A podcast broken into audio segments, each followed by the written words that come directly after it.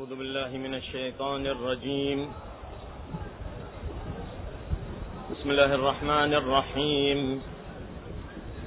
الحمد لله رب العالمين. والصلاة والسلام على سيدنا ونبينا محمد وعلى آله الطيبين الطاهرين.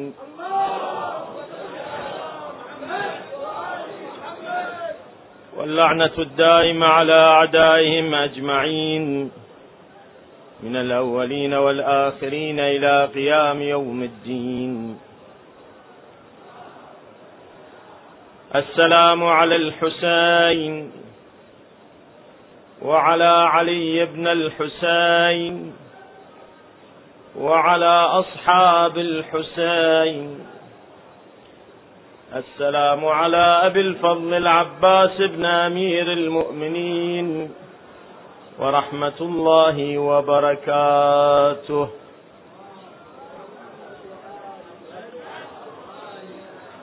بعث الإمام الحج عجل الله تعالى فرجه الشريف برسالة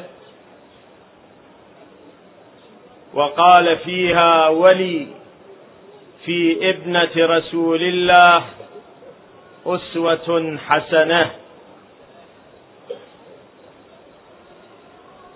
لاحظ نحاول هذا اليوم إن شاء الله تكملة الموضوع اللي تحدثنا عنه في الأسبوع الماضي. لاحظ أن الإمام الحج عجل الله تعالى فرجه يبين أنه يتأسى ويقتدي بفاطمة الزهراء صلوات الله وسلامه عليها. بأي شيء يقتدي ذكرنا بالأسبوع الماضي؟ جملة. هناك أشياء كثيرة تشابه بين الأم والولد. بين الصديقة الطاهرة وبين الحجة لاحظ من التشابه. التشابه الذي يمكن أن نلتفت إليه هو وجود ارتباط بين الأم فاطمة الزهراء وبين الولد المهدي. هذا الترابط والتشابه نشوفه في قياس النبوة بين مريم ابنة عمران وبين ولدها عيسى بن مريم. أكو مقايسة بين مريم وبين فاطمة. هذه المقايسة قد بينها الله سبحانه وتعالى وبينها النبي صلى الله عليه وآله والائمه من جملة المقايسة بين فاطمة الزهراء وبين امرأة وبين مريم ابنة عمران أن مريم أحصنت فرجها فنفخ الله في مريم من روحه. وأن فاطمة سلام الله عليها أحسنت فرجها في الروايات فحرم الله ذريتها على النار. فاطمة سلام الله عليها في أوجه التشابه بينها وبين مريم. الأم لاحظ التشابه بين الأم بين أم عيسى وأم المهدي عجل الله تعالى فرجه. من جملة التشابهات مريم سيدة نساء العالمين وفاطمة سيدة نساء العالمين. الروايات السنة والشيعة. أجمعوا رووا عن النبي صلى الله عليه وآله إنه قال لفاطمة سلام الله عليها وإنك سيدة نساء العالمين. فقالت يا أبه يا رسول الله أليست مريم ابنة عمران سيدة نساء العالمين؟ فقال مريم سيدة نساء عالمها وأنت سيدة نساء العالمين من الأولين والآخرين.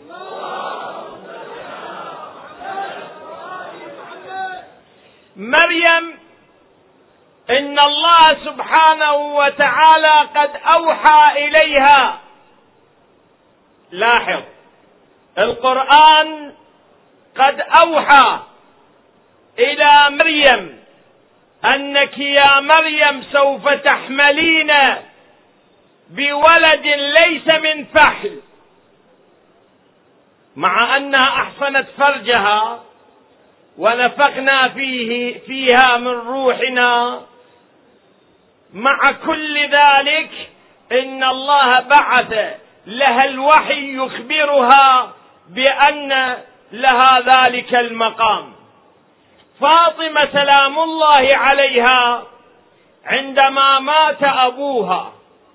هاي رواية موجودة في الكافي وبسند معتبر وفي بعض الروايات مرتين مروية في الكافي.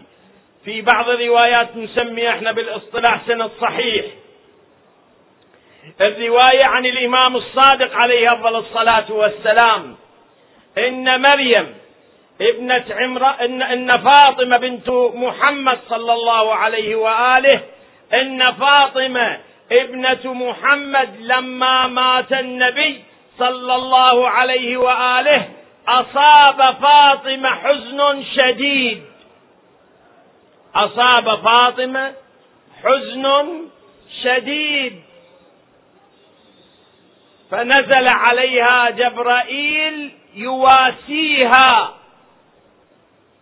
ويخبرها. فقالت لأمير المؤمنين لعلي يا أمير المؤمنين هذا جبرائيل. يخبرني بما يجري على ذريتي وما يجري إلى يوم القيامة. يواسيني بفقد النبي صلى الله عليه وآله.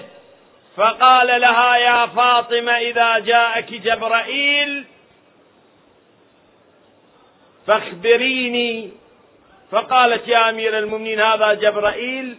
فجعل يكتب كل ما يقول جبرائيل لفاطمة وجمعت هذه الأقوال أقوال جبرائيل عن اللوح المحفوظ وسمي هذا بمصحف فاطمة. لاحظ هنا واحد يقول كيف يوحى كيف ينزل جبرائيل وكيف يكون الوحي بعد رسول الله صلى الله عليه وآله.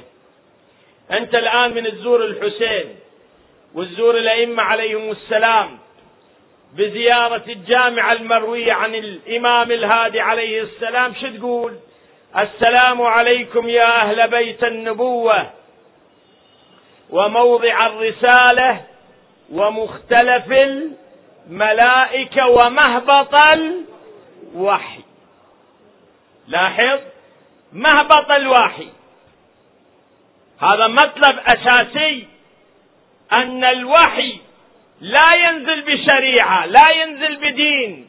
الدين والشريعة والقرآن فقط انتهى في حياة النبي صلى الله عليه وآله. ولكن الوحي ينزل ما يحتاج الوحي أن ينزل بالنبوة. ينزل بكل أمر عظيم. الله تعالى يقول اسمع. الله تعالى يقول وأوحينا إلى النحل أن اتخذي من الجبال بيوتا ومما يعرشون. الله ينص أنه أوحى إلى النحل مو إلى فاطمة سلام الله عليها. إلى النحل يعني مسألة الإيحاء ممكن. الله تعالى يقول أيضا بالقرآن وأوحينا إلى أم موسى. هذه آية كريمة. أم موسى سلام الله عليها قد أوحى الله سبحانه وتعالى لها. وأوحى الله تبارك وتعالى إلى مريم ابنة عمران ومريم ابنة عمران ليست نبية. الوحي لا يشترط أن ينزل على النبي. الوحي ينزل على النبي وعلى غير النبي. لكن إذا نزل بشريعة نزل بكتاب نزل بدين هذا فقط على الأنبياء. بعد رسول الله صلى الله عليه وآله جبرائيل والوحي لم ينزل بكتاب ولم ينزل بدين فالدين والكتاب والقرآن قد كمل وختم وختم في حياة النبي صلى الله عليه وآله. ولكن كان ينزل جبرائيل سلام الله عليه ينزل جبرائيل على فاطمة وعلى الأئمة عليهم السلام. عندنا في نهج البلاغة. أمير المؤمنين يتحدث عن يوم نزول جبرائيل. يوم نزول جبرائيل. يقول فسمعت رنة. فقلت لرسول الله قال هذه رنة الشيطان يئس منا. ثم بعد ذلك قال يا علي من نزل الوحي. أنت تسمع ما أسمع وترى ما أرى ولكنك لست بنبي. مقام أهل البيت عليهم أفضل الصلاة والسلام مقام خاص بهم. مريم عندما نقيسها إلى فاطمة سلام الله عليها كل ما تفضلت به مريم وتقدست به مريم الله شاله واعطاه المن اعطاه لفاطمة على أكثر وأكثر وأكثر لأن آل محمد لا يقاس بهم أحد من الخلق. ما يمكن أحد أن يقاس بآل محمد عليهم أفضل الصلاة والسلام. شوف لاحظ القرآن يقول كلما دخل عليها زكريا المحراب وجد عندها رزقا قال يا مريم أنى لك هذا؟ قالت هو من عند الله. هو من عند الله. الرزق الطعام الذي كان ينزل من الجنة على مريم. الرواية ماذا تقول؟ تقول الرواية دخل النبي صلى الله عليه وآله على فاطمة فسألها هل عندها طعام؟ عندها طعام؟ فقدمت له جفنة مملوءة بثريد ولحم لحم. فقال لها يا فاطمة أنى لك هذا؟ ذاك الزمان كان مجاعة. كان أصاب أهل البيت عليهم السلام مجاعة لذلك بقيت في رواية أخرى غير هاي الرواية. علي وفاطمة والحسن والحسين وفضة خادمتهم. سلام الله عليهم. بقيت ثلاثة أيام طاوين على الجوع. فأنزل الله سبحانه وتعالى سورة هل أتى ويطعمون الطعام على حبه مسكينا ويتيما وأسيرا. غير هذه الرواية. هذه دخل قال يا فاطمة أبوك جوعان. عندك شيء تقدميه؟ فأخرجت له جفنة مملوءة ثريد ولحم. هذه رواية موجودة في كتب إخواننا السنة وموجودة في كتبنا. فقال يا فاطمة انى لك هذا؟ قالت يا رسول الله إن لي أيام لم يدخل في جوف طعام. ما عندنا أكل ناكل وشكى الحسن والحسين الجوع. فإذا بجفنة تنزل من السماء قال يا فاطمة هذا جبرائيل يخبرني بأنه قد أنزل هذه الجفنة. هاي القصعة قد أنزلها من الجنة بأمر الله تبارك وتعالى.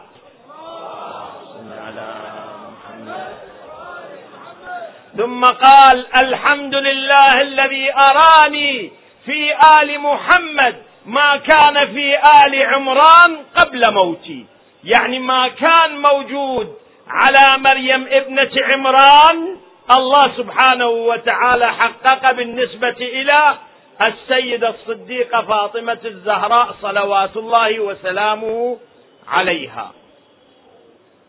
هذه المواصفات التفت. هذه المواصفات بين مريم وبين الصديقة الكبرى.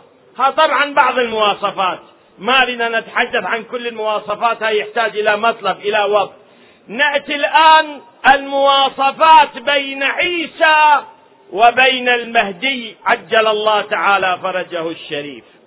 لاحظ من المواصفات بين عيسى وبين المهدي صلوات الله وسلامه عليه أن الله تبارك وتعالى جعل عيسى يتكلم في المهد صبيا.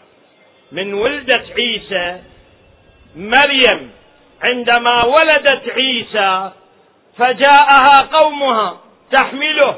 قالوا يا مريم ما كان أبوك امرأ سوء وما كانت أمك بغية؟ أنت سويتي هاي فأشارت إليه. أشارت علما إلى عيسى عيسى في المهد ابن ساعات فأشارت إليه قالوا كيف نكلم من كان في المهد صبيا؟ قال إني عبد الله آتاني الكتاب وجعلني نبيا. شوف عيسى نطق وهو في المهد. المهدي عجل الله تعالى فرجه الشريف.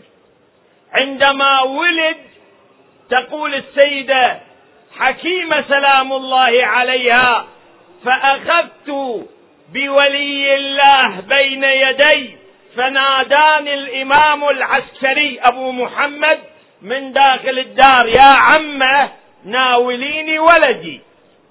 تقول فجئته بولده. جبت ابن الإمام المهدي سلمت للإمام العسكري صلوات الله وسلامه عليه فأخذه أبو محمد يعني الامام العسكري ثم وضع قدميه على صدره ووضع لسانه في فيه ثم قال له أنطق يا بني كما نطق آباؤك فقال بلسان فصيح أشهد أن لا إله إلا الله وأشهد أن محمدا رسول الله ثم سلم على كل إمام إمام حتى وصل إلى نفسه فقرأ قوله تعالى بقية الله خير لكم إن كنتم تعلمون ثم قرأ الإنجيل والتوراة والزبور ثم قرأ بعد ذلك القرآن العظيم. هذا كله وهو ابن لحظات ابن دقائق.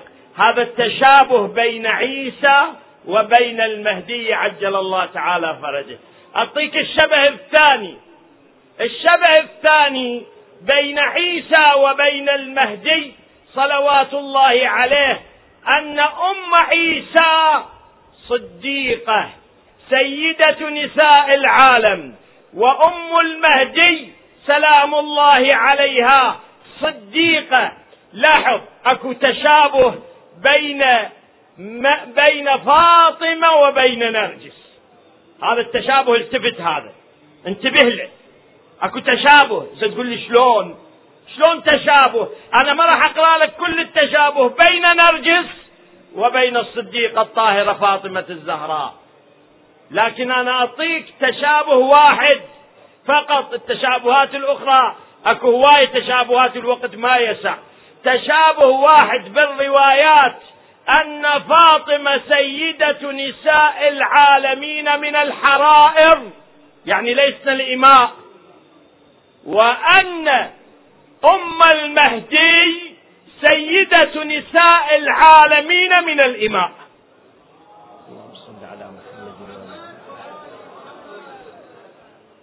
هذا بالروايات عدة روايات بأبي ابن خيرة الإماء. هذه رواية مروية عن الإمام الصادق مروية عن الإمام الرضا سلام الله عليه. عدة أئمة عليهم السلام كانوا عندما يذكرون الإمام المهدي يقولون بأبي يعني فداه أبي. تدري أبو من هو الصادق؟ يعني الباقر. فداه أبي. بأبي ابن خيرة الإماء. فقيل له يا مولاي أليست فاطمة سيدة نساء العالمين؟ فقال فاطمة سيدة نساء العالمين الحرائر والمهدي ابن سيدة الإماء. يعني أن النساء بالدنيا على قسمين. القسم الأول حرائر والقسم الثاني إماء. الإماء الحرائر هن اللي ولدهم من الحرائر المقصود بهذه الروايات. الحرائر يقصد بهن المولودات من رحم النبوة والإمامة. أشهد أنك كنت نورا في الأصلاب الشامخة والأرحام المطهرة. لم تنجسك الجاهلية بأنجاسها. ولم تلبسك من مدلهمات ثيابها شوف أن الأئمة عليهم السلام أولاد من؟ أولاد تلك التي سيدة الكون فاطمة الحرة لذلك رسول الله صلى الله عليه وآله عندما كان يأتي إلى بيت فاطمة فيقول يا فاطمة تأذن لي فتجيب فاطمة وتقول يا أبتا يا رسول الله البيت بيتك والحرة ابنتك. ما كانت تقول الأمة.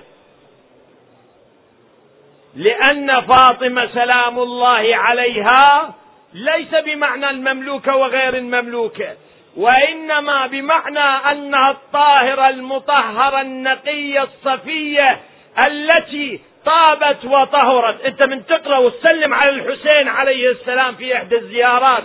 شو تقول له؟ أشهد أنك طهر طاهر مطهر. من طهر طاهر مطهر. يعني ستة أطهار. إنما يريد الله ليذهب عنكم الرجس أهل البيت ويطهركم تطهيرا. تطهيرا. ستة أطهار. الحسين عليه السلام في الجهات الست. هاي الجهات الست انت عندك جهات الست الكون له جهات ست الامام والوراء والفوق والتحت واليمين والشمال.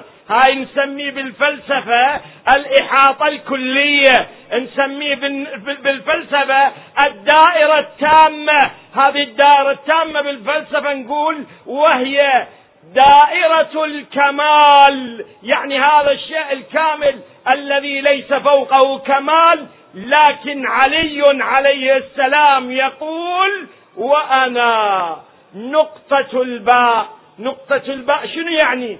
يقولون أن الدائرة الكاملة إنما هي الدائرة الكاملة الباء والباء نقطتها. هو علي لأنه إذا أردت أن تدور في رحى الكمال فعليك أن تبتدئ بعلي وتنتهي بعلي.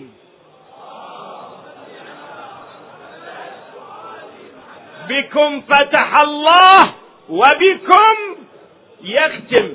الكمال إذا تريد تشوفه وتتعرف عليه تبتدئ من من آل محمد. من أراد الله بدأ بكم.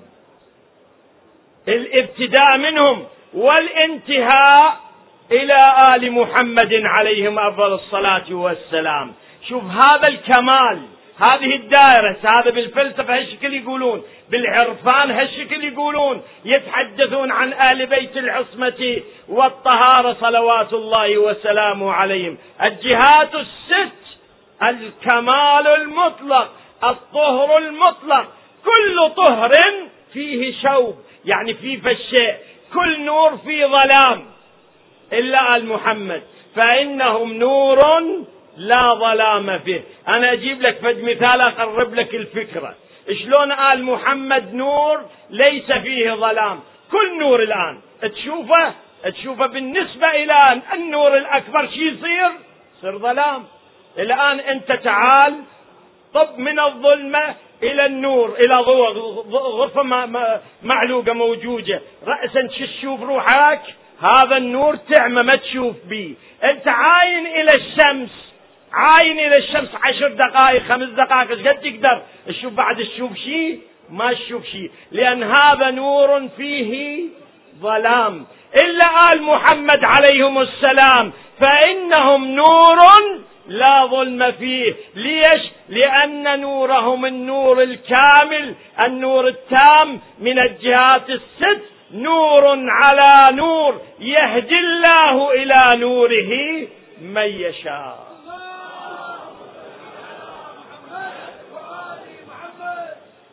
الآن عندما نلتفت إلى هذه الدائرة من الطهر من الطهارة نشوف آل البيت عليهم أفضل الصلاة والسلام. نور لا يشوبه شيء.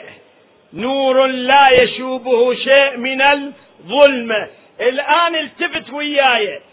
سيدة نساء العالمين من الأولين والآخرين يعني طهر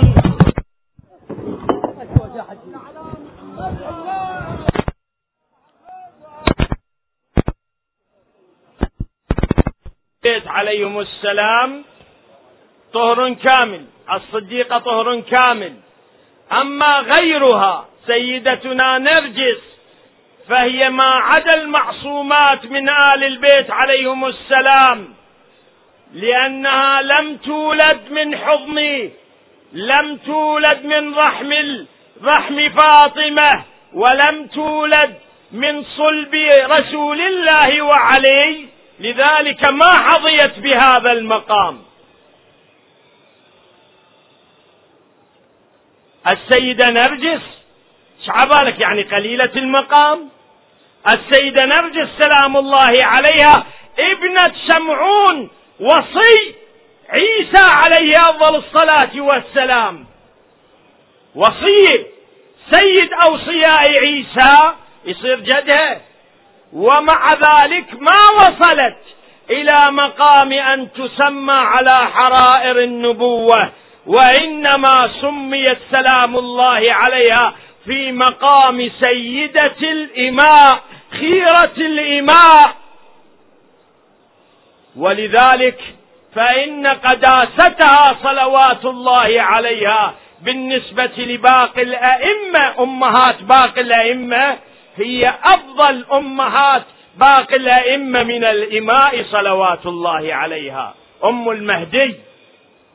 الآن نشوف المقايسة اذا بين عيسى وبين المهدي. نرجع على هذه المقايسة.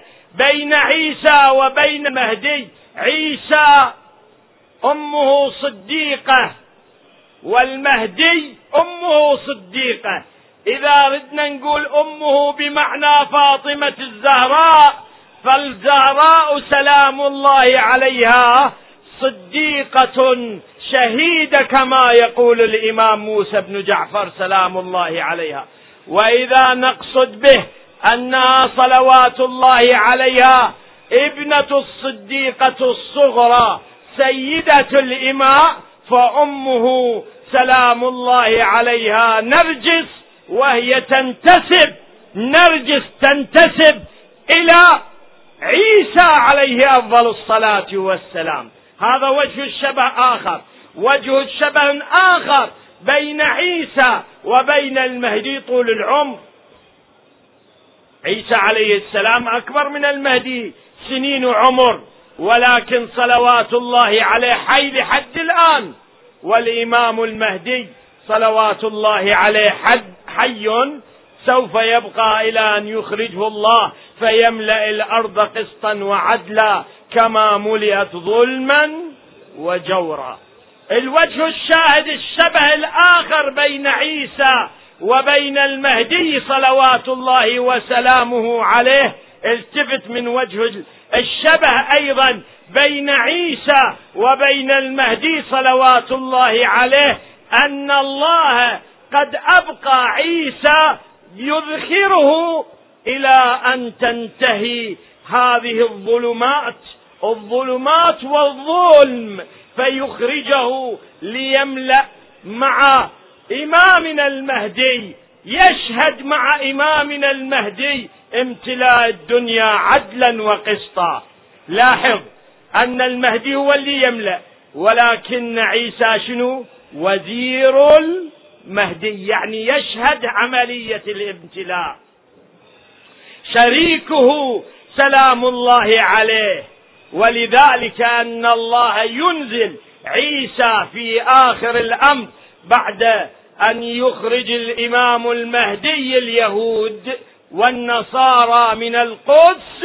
هناك حينئذ أن الله تبارك وتعالى يجعل من لطفه ويجعل من إحسانه أن ينزل عيسى فيصلي خلف الإمام المهدي. عجل الله تعالى فرجه الشريف.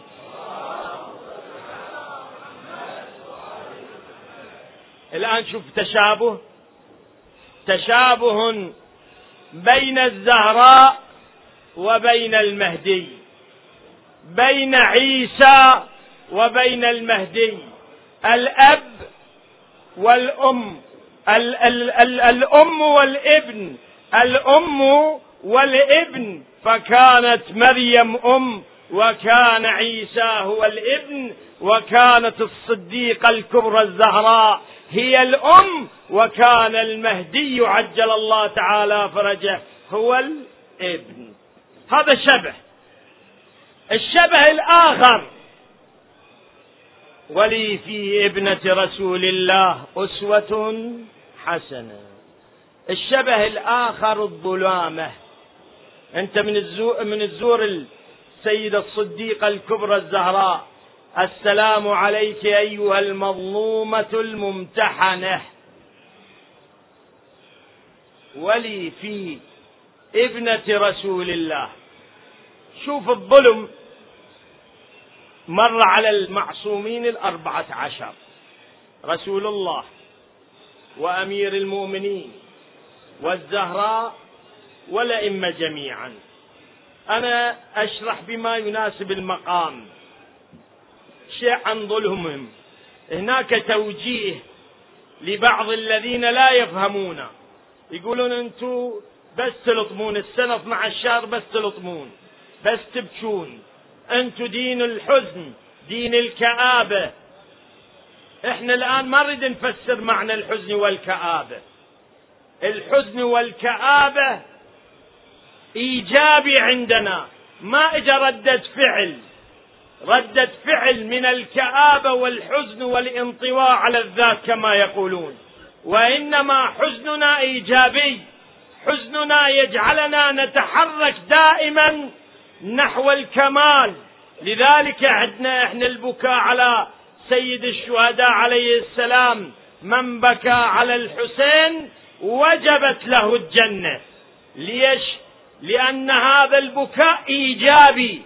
هذا البكاء ليس بكاء سلبيا ليس بكاء انطوائيا وإنما هذا البكاء بكاء واقعي مفيد كمال كمال للإنسان. التفت الآن. كل الأئمة الآن بس أريد أبين لك الشبه بالظلامة. شلون الظلام الشبه بين المهدي وبين فاطمة؟ كل الأئمة والمعصومين ظلموا. رسول الله صلى الله عليه وآله ظلم. ظلم. حتى قال صلى الله عليه وآله ما أوذي نبي مثل ما أوذيت. الذوق. أزيد الأنبياء تأذى وتعذب وظلم وأوذي هو سيد الكائنات محمد صلى الله عليه وآله.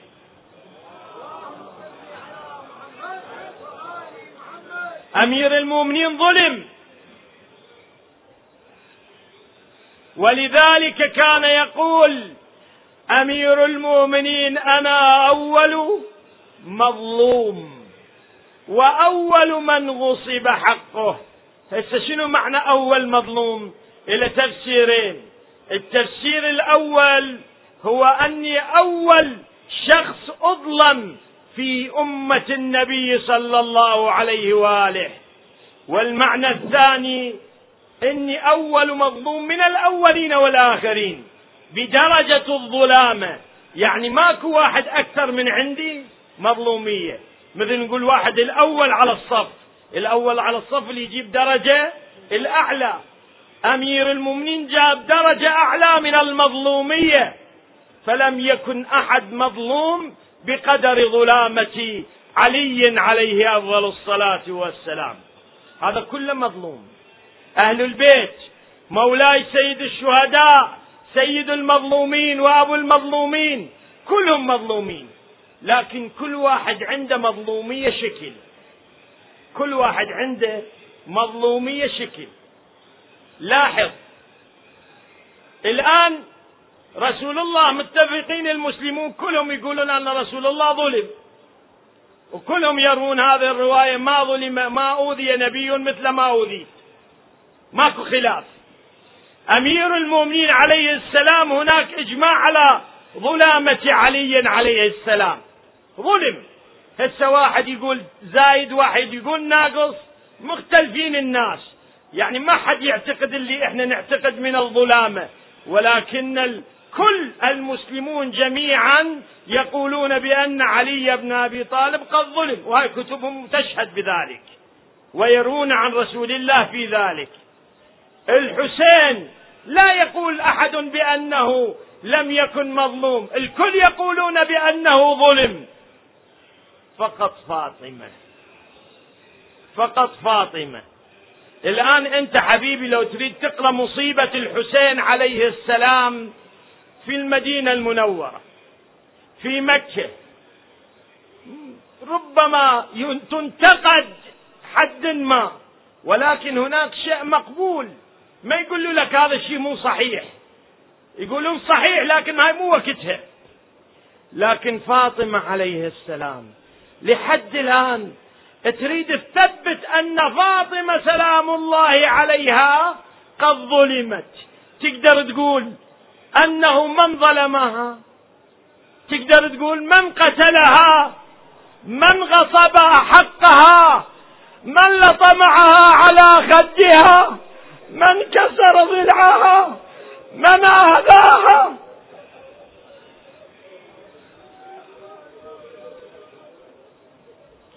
لاحظ هذا نوع من أنواع الظلام. أن ظلامة فاطمة سلام الله عليها خفية. سر في ظلامتها سلام الله عليها. سر. لذلك ماكو إجماع على أن فاطمة قد ظلمت مع أن فاطمة لم تظلم ولم تظلم امرأة من الأولين والآخرين مثل ما ظلمت الصديقة الزهراء فاطمة سلام الله عليها. حتى عمتنا زينب أخذت أسيرة لكن ما تجرى عليها أحد فلطمها على وجهها وعصرها بالباب. ما تجرى أحد. أن يسب فاطمة وهي أن يسب زينب أمام علي. سلام الله عليه. ظلامة ظلامة هذه الظلامة في ذلك الزمان ولحد هذا الزمان. لحد هذا الزمان. ربما يطلع واحد أيضا يقول لا أن فاطمة لم تظلم. ويحاول أن يبرئ من ظلم فاطمة الزهراء. هذه الظلامة المأساة الأخرى. أن بعض الناس اللي يحاولون أن يحسبون أنفسهم على الشيعة ربما يقول لك لا أنه لم يثبت ظلامة فاطمة ومع هذا أن الكتب كتب السنة وكتب الشيعة قد أجمعوا على أن فاطمة قد ظلمت ذلك الظلم وعذبت ذلك العذاب وأصابها ذلك المصاب. ولذلك نشوف أن النبي صلى الله عليه وآله وسلم كان يؤكد على ظلم فاطمة. النبي صلى الله عليه وآله كان يؤكد على مظلومية فاطمة. الشيخ الكراتيكي وهو من مراجعنا يجي ورا الشيخ المفيد الشيخ الطوسي السيد المرتضى هناك عالم في ذلك الزمان اسمه الكراشكي وهو من أعاظم علمائنا. عند كتاب اسمه كنز الفوائد يقول يروي فيها بسند صحيح عن رسول الله صلى الله عليه وآله. يقول لعن الله قاتل فاطمة. لعن الله قاتل فاطمة. لعن الله قاتل فاطمة ثلاث مرات. ليش؟ لأن يدري رسول الله ويعلم أن ظلامة فاطمة سوف يكون سرا لا يكون علنا هذا الوضع لو نقيسه بالإمام المهدي عجل الله تعالى فرجه الشريف. نشوف ظلامة المهدي. روحي وأرواح العالمين له الفداء ظلامة المهدي أيضا. شبهت ظلامة أمه فاطمة. سر. الآن واحد يتصور هو شكو عليه المهدي. غايب. مرتاح. لا يحس. أستغفر الله بما نحس وبما يصيبنا. هذه من ظلامة المهدي حبيبي. المهدي صلوات الله على إمام إمام الخلق. المهدي صلوات الله عليه يعيش عيشه مع شيعته عيشه يتجاوب معهم. أمير المؤمنين عليه السلام امرأة, امرأة سرقوا خلخالها حجلها. باقوا جماعة معاوية في نجد. في هذه الصحراء. في صحراء نجد. في هجر. سرقوا خلخالها أمير المؤمنين صعد على المنبر يقول ولو أن امرا مات الما على ذلك. ما كان عندي ملومة بل كان عندي جديرة. يعني أن حزني عليه. على هذا المصاب معقولة. في دولتي في ركني. أن امرأة يسرق خلخالها علنا أقول ساعد الله قلبك يا صاحب الأمر. وأنت يوميا تشوف الشيعيات في بغداد وفي ديالة وفي مناطق بغداد المتنوعة. تهتك أعراضهن وتسبى الشيعي يقتل يذبح. لا لذنب إلا أنه يقول علي ولي الله. إنت شوف إمام حنون رؤوف عطوف الحجة بن الحسن. معلومة بل كان هذا عمل صحيح جديرة أقول سعد الله قلب الإمام الحجة وهو يرى هذه المصائب التي تجري على شيعته ومواليه حينئذ أي مصيبة عظمى. شوف السر بين مصيبة الإمام المهدي ومصيبة سيدتنا سيدة نساء العالمين.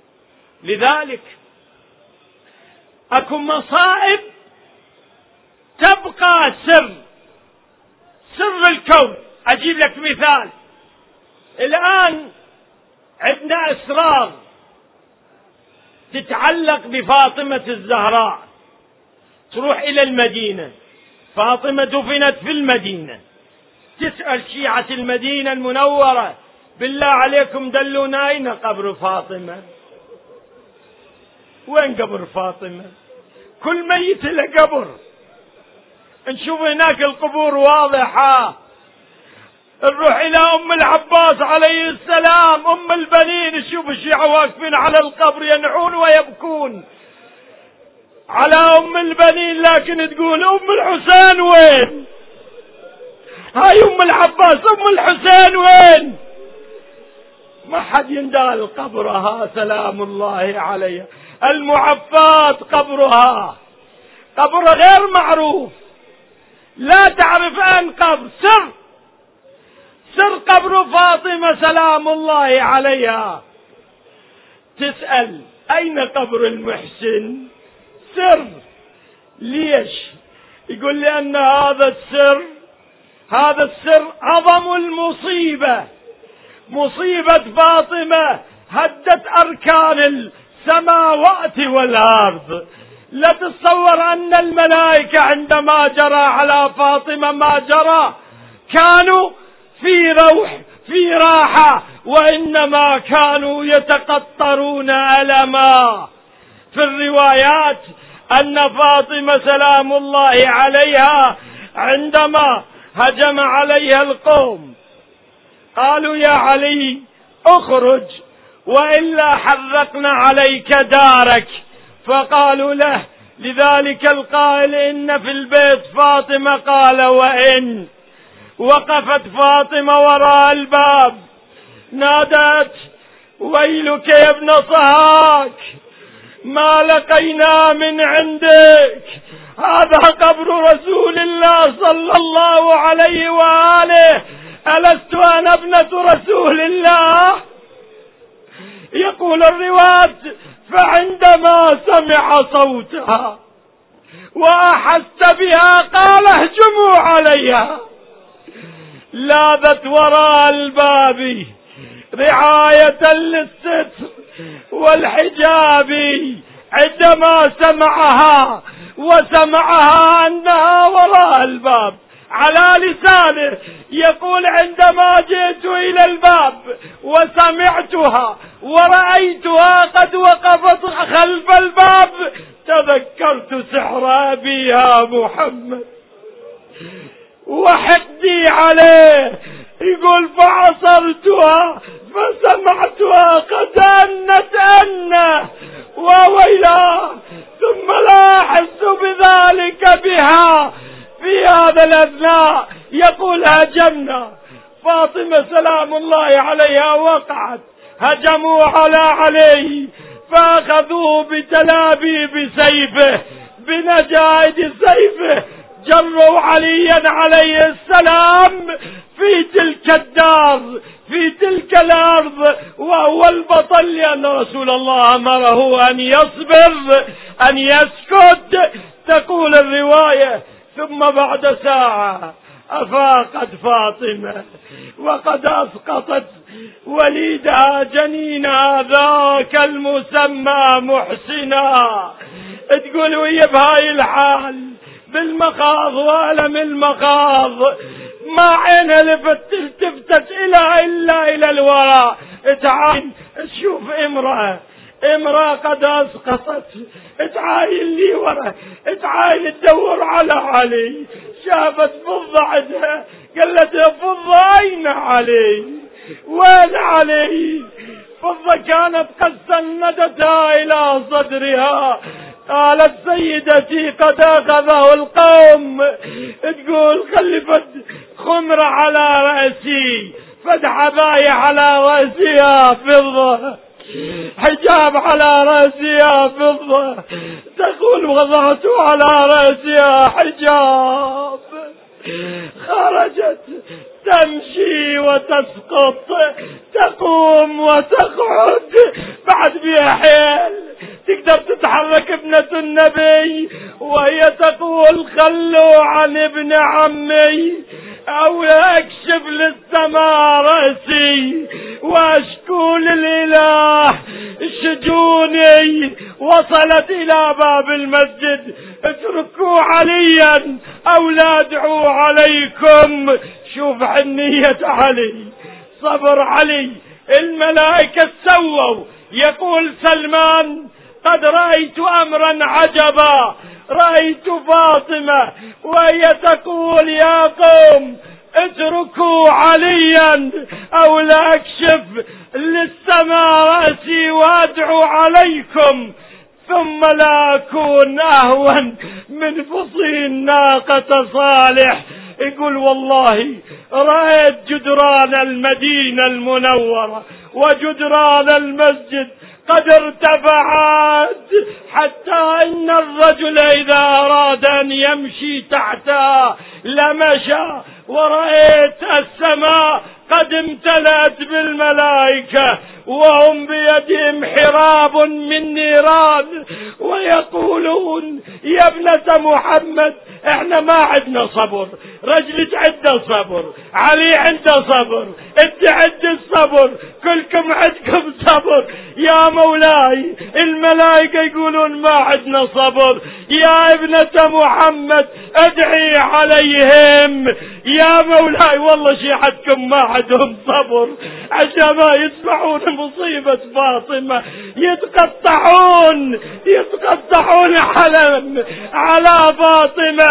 يقول سلمان ادعوا الملائكة يقولون لفاطمة ادعي هناك هناك سمع علي الملائكة فقال يا عم يا سلمان اذهب إلى فاطمة ويقول وقل لها يقول لك أمير المؤمنين ارجعي إلى دارك. ابقي على أمة محمد. هم ظلموني ولكن الخاطر ارجعي. لا تجعل الملائكة يغضبوا عليهم. شوف رحمة أهل البيت بهم. هاي بأعدائهم بشيعتهم شلون؟ بزوارهم شلون؟ مولاي يا أبا عبد الله عظم الله لك. الاجر بمصاب أمك أمك الزهراء بمصابك لأن أنت ابجلت وياهم في ذلك اليوم يا ابا عبد الله.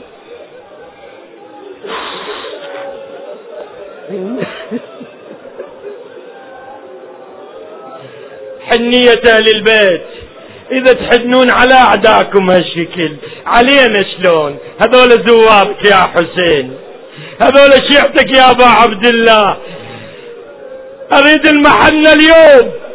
تتحنن على من حضر في هذا المجلس وذكر فيها ذكر فيها أبوك وجدك وأمك وابنك المهدي. مولاي عندهم حوائج.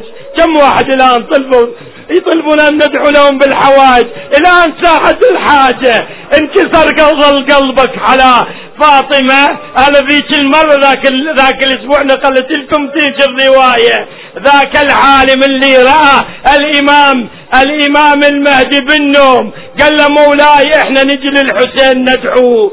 لا يستجاب الدعاء. ندعو باسمك. لا يستجاب. نريد من نروح للأئمة وندعو. علمنا دعاء يستجاب. قال إذا عندكم إذا عندكم مشكلة ومصيبة ما تنحل أقسموا علينا بضلع أمنا فاطمة.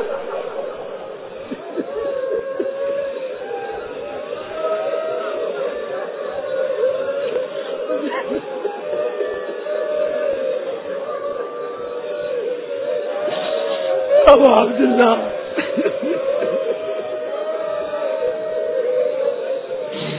يم الحسين. هاي الجنة.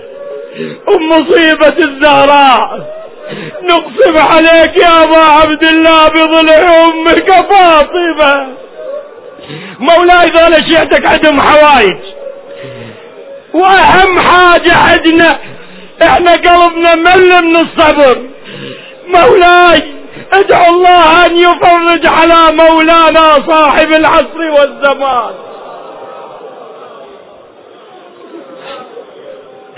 اللهم عجل لوليك الفرج واجعل فرجنا بفرجه. اللهم اغفر لنا ذنوبنا وإسرافنا في أمرنا. الهنا حين حياة محمد وآل محمد. ومتنا ممات محمد وآل محمد. لا تفرق بيننا وبينهم طرفة عين أبدا. إلهي نطلب منك بالدنيا لا تحرمنا زيارة الحسين. يا الله. خصوصا يا الجمعة يا رب. لا تحرمنا زيارة الحسين في الدنيا. ولا تحرمنا شفاعته في الآخرة. إلهي اجعلنا مع الحسين وشيعة الحسين. إلهنا إن كان في مجلسنا هذا صاحب حاجة فاقضي حاجته. مريض شافي مرضاه لا سيما المنظورين نقرأ دعاء شفاء مريض. أمن يجيب المضطر إذا دعاه